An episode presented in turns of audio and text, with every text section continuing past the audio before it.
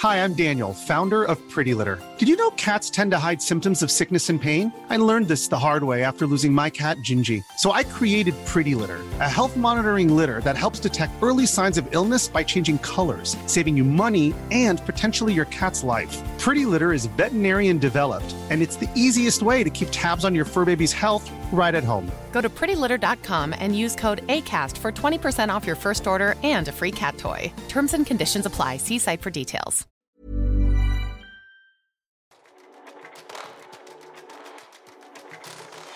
Hei og velkommen til Teknologitrender, serien som tar et entusiastisk, men også et kritisk blikk på hvordan teknologi og digitalisering endrer og påvirker våre liv og næringsliv. Episoden presenteres av Episenter, Oslos hub for digital innovasjon og et økosystem for innovative selskaper i vekst. Gå inn på episenteroslo.com og bli medlem du også.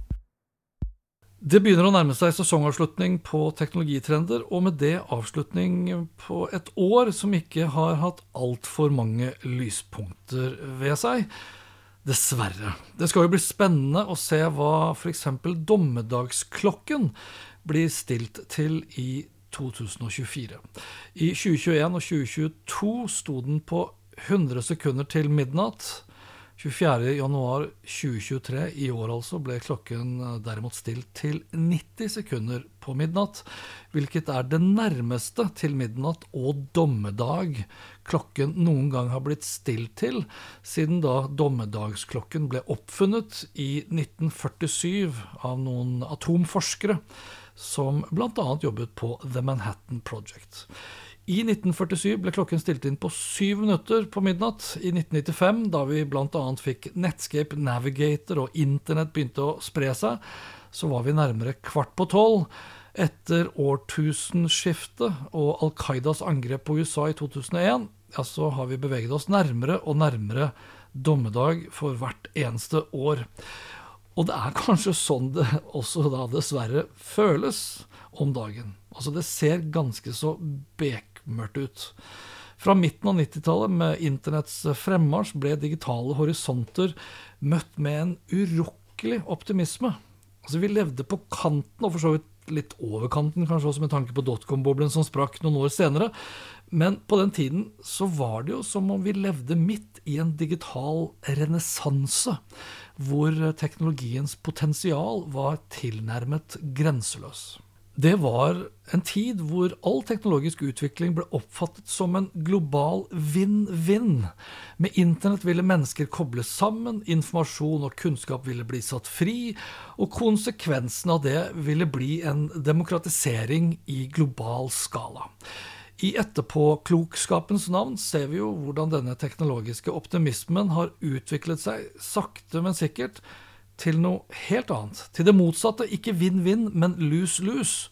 Sosiale medier som skulle demokratisere ordskiftet, og Mark Zuckerbergs drøm om de globale samtalene på The Town Square, skulle oppheve både geografiske, tidsmessige, språklige og kulturelle avstander. Det som ble sett på som teknologiske verktøy for mer demokrati og fri meningsutveksling, har ironisk nok blitt redskaper for mer sentralisert makt og manipulasjon. Sosiale medier, designet for å gi alle og enhver en stemme, har i stedet blitt sentraliserte plattformer hvor noen få kontrollerer narrativet og påvirker den globale diskursen som sådan. Algoritmene til de sosiale medieplattformene ble introdusert som våre digitale guider som kom med lovnader om å åpne våre øyne for et bredere spekter av synspunkter og perspektiver.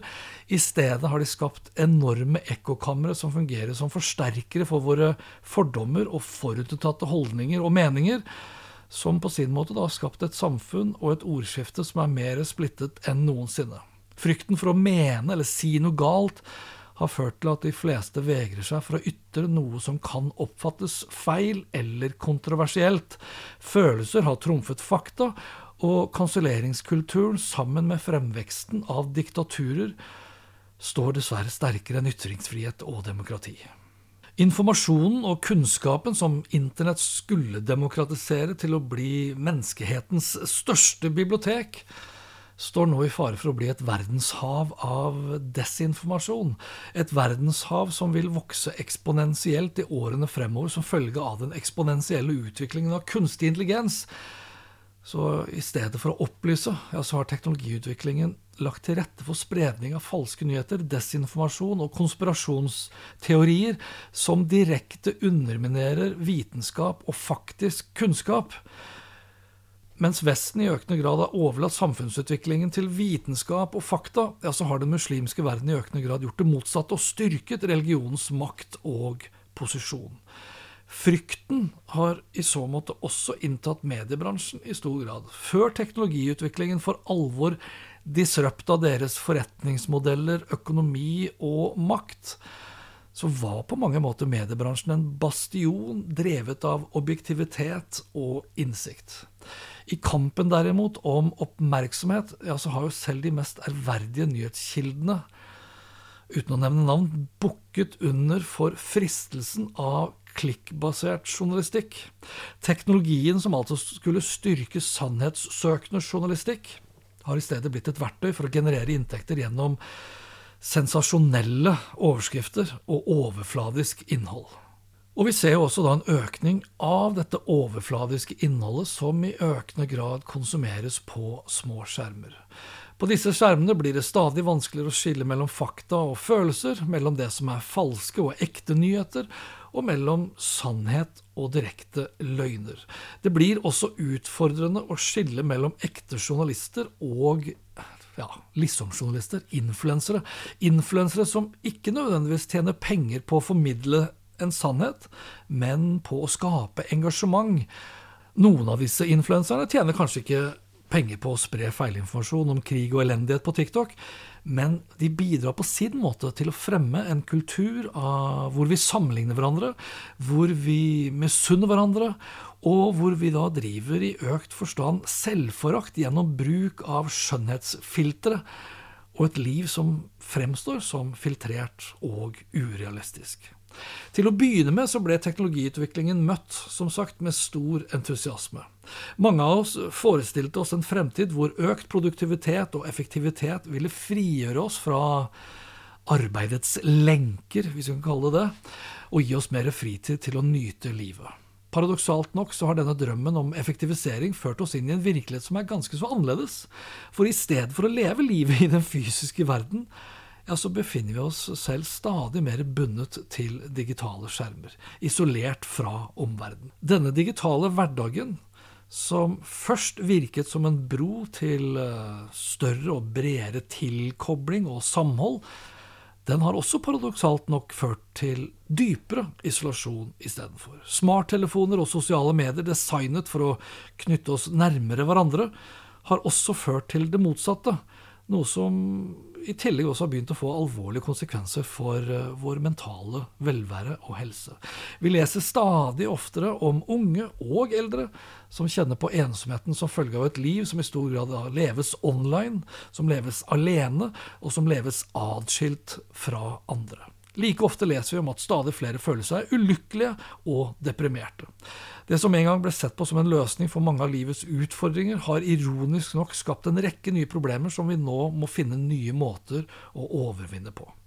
Det er avgjørende tror jeg, at vi gjenoppdager verdien bl.a. av den fysiske verden og ekte menneskelig forbindelse, og at vi klarer å balansere det med den digitale tilstedeværelsen vi har blitt så avhengig av. Og her tror jeg f.eks. ikke løsningen er å finne i verken VR-briller eller i metaverset. Med under halvannet minutt igjen til dommedag, så er det fortsatt da, ikke for seint å snu utviklingen.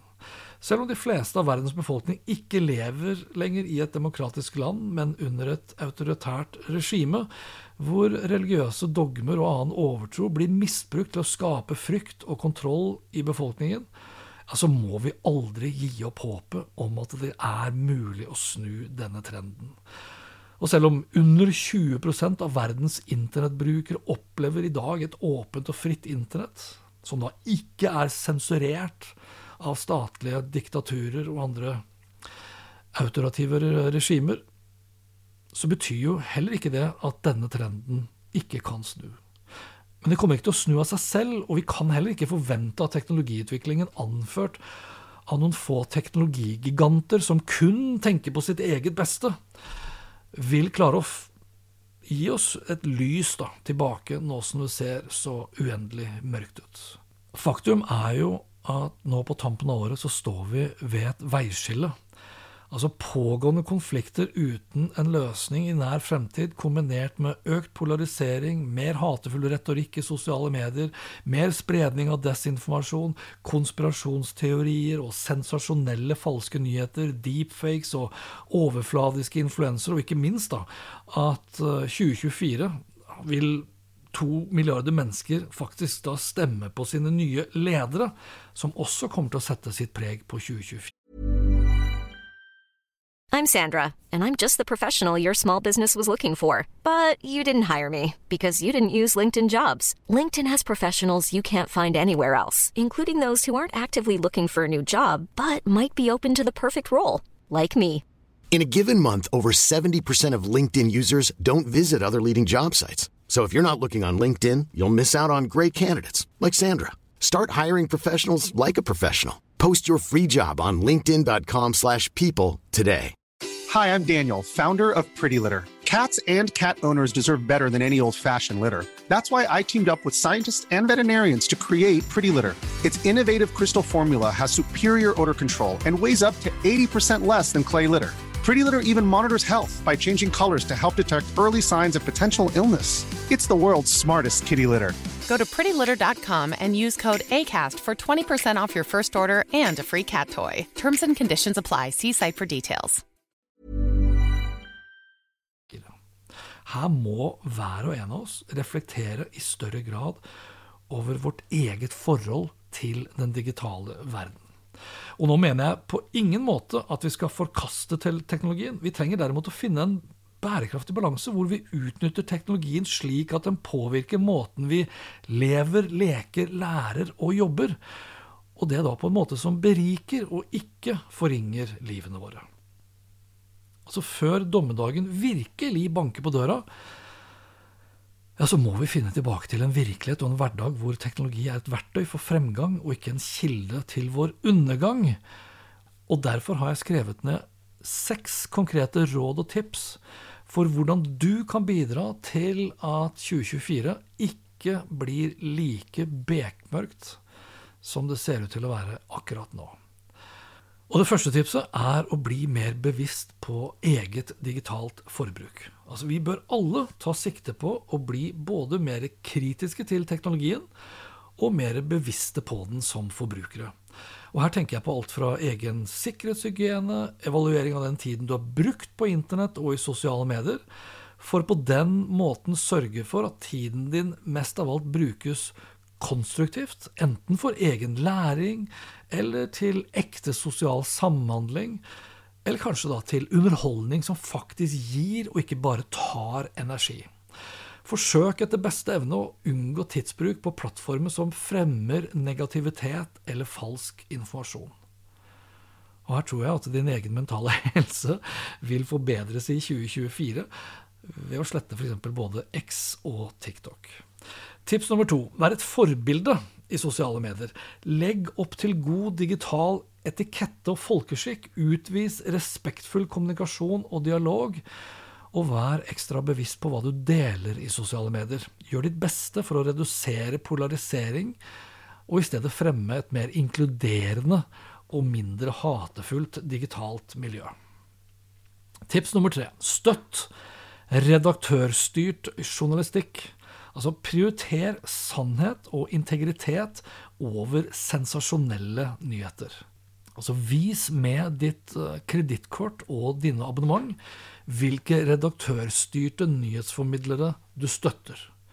Ved å finansiere og dele skikkelig journalistikk altså kan vi også bidra til en mer opplyst og informert offentlighet. Tips nummer fire bli en nerd. Sett av litt tid hver uke til å bedre forstå hvordan teknologien du bruker, faktisk funker. Altså hvordan algoritmene f.eks.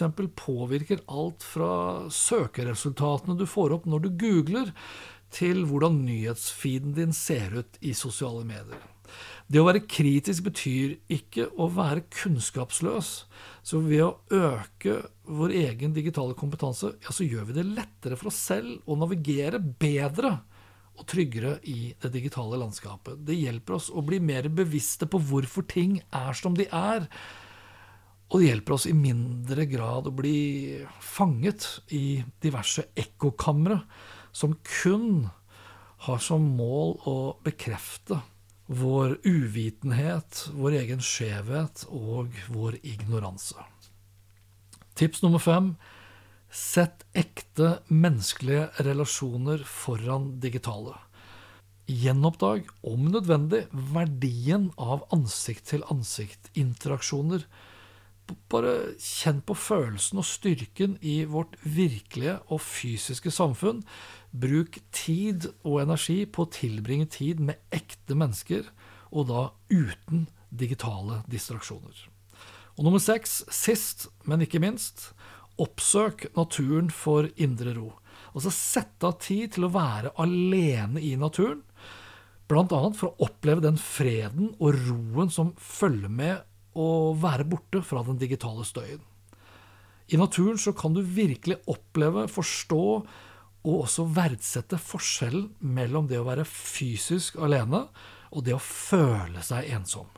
Slike stunder kommer til å åpne oss opp for dypere refleksjoner og tilstedeværelse, noe som vil både virke positivt på vår fysiske og psykiske, ikke minst, helse. For ved å koble oss litt fra teknologien og koble oss litt til naturen, så er det også mye lettere å få en påminnelse om hva som faktisk er viktig her i livet, i tillegg til at du også kommer til å lære deg hvor mye glede det ligger i den mestringsfølelsen som naturen byr på, og det nesten helt gratis. Altså Tar du de seks rådene her, så tror jeg hver og en av oss kan bidra til å endre fokuset vårt mot en lysere, mer balansert og en mer bærekraftig fremtid hvor teknologien først og fremst tjener oss, og ikke motsatt. Så gjennom en kollektiv innsats ja, så kan vi jo i hvert fall håpe på et 2024 som i mindre grad vil være preget av lose-lose, og i større grad preget igjen av vinn-vinn. Og det var dette for denne gang. Inntil neste episode, vær nysgjerrig, men still også kritiske spørsmål. Ikke bli en teknologisjåvinist. For det er den eneste riktige måten å møte fremtiden vår på. Lenker til alt jeg snakket om i denne episoden også, og alle andre, finner du som alltid på Asmetter.info. Snakkes. Hei ro.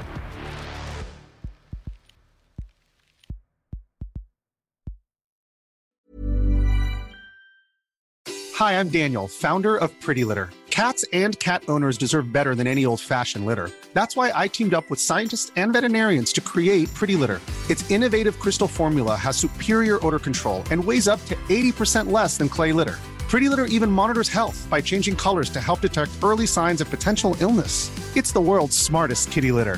Go to prettylitter.com and use code ACAST for 20% off your first order and a free cat toy. Terms and conditions apply. See site for details.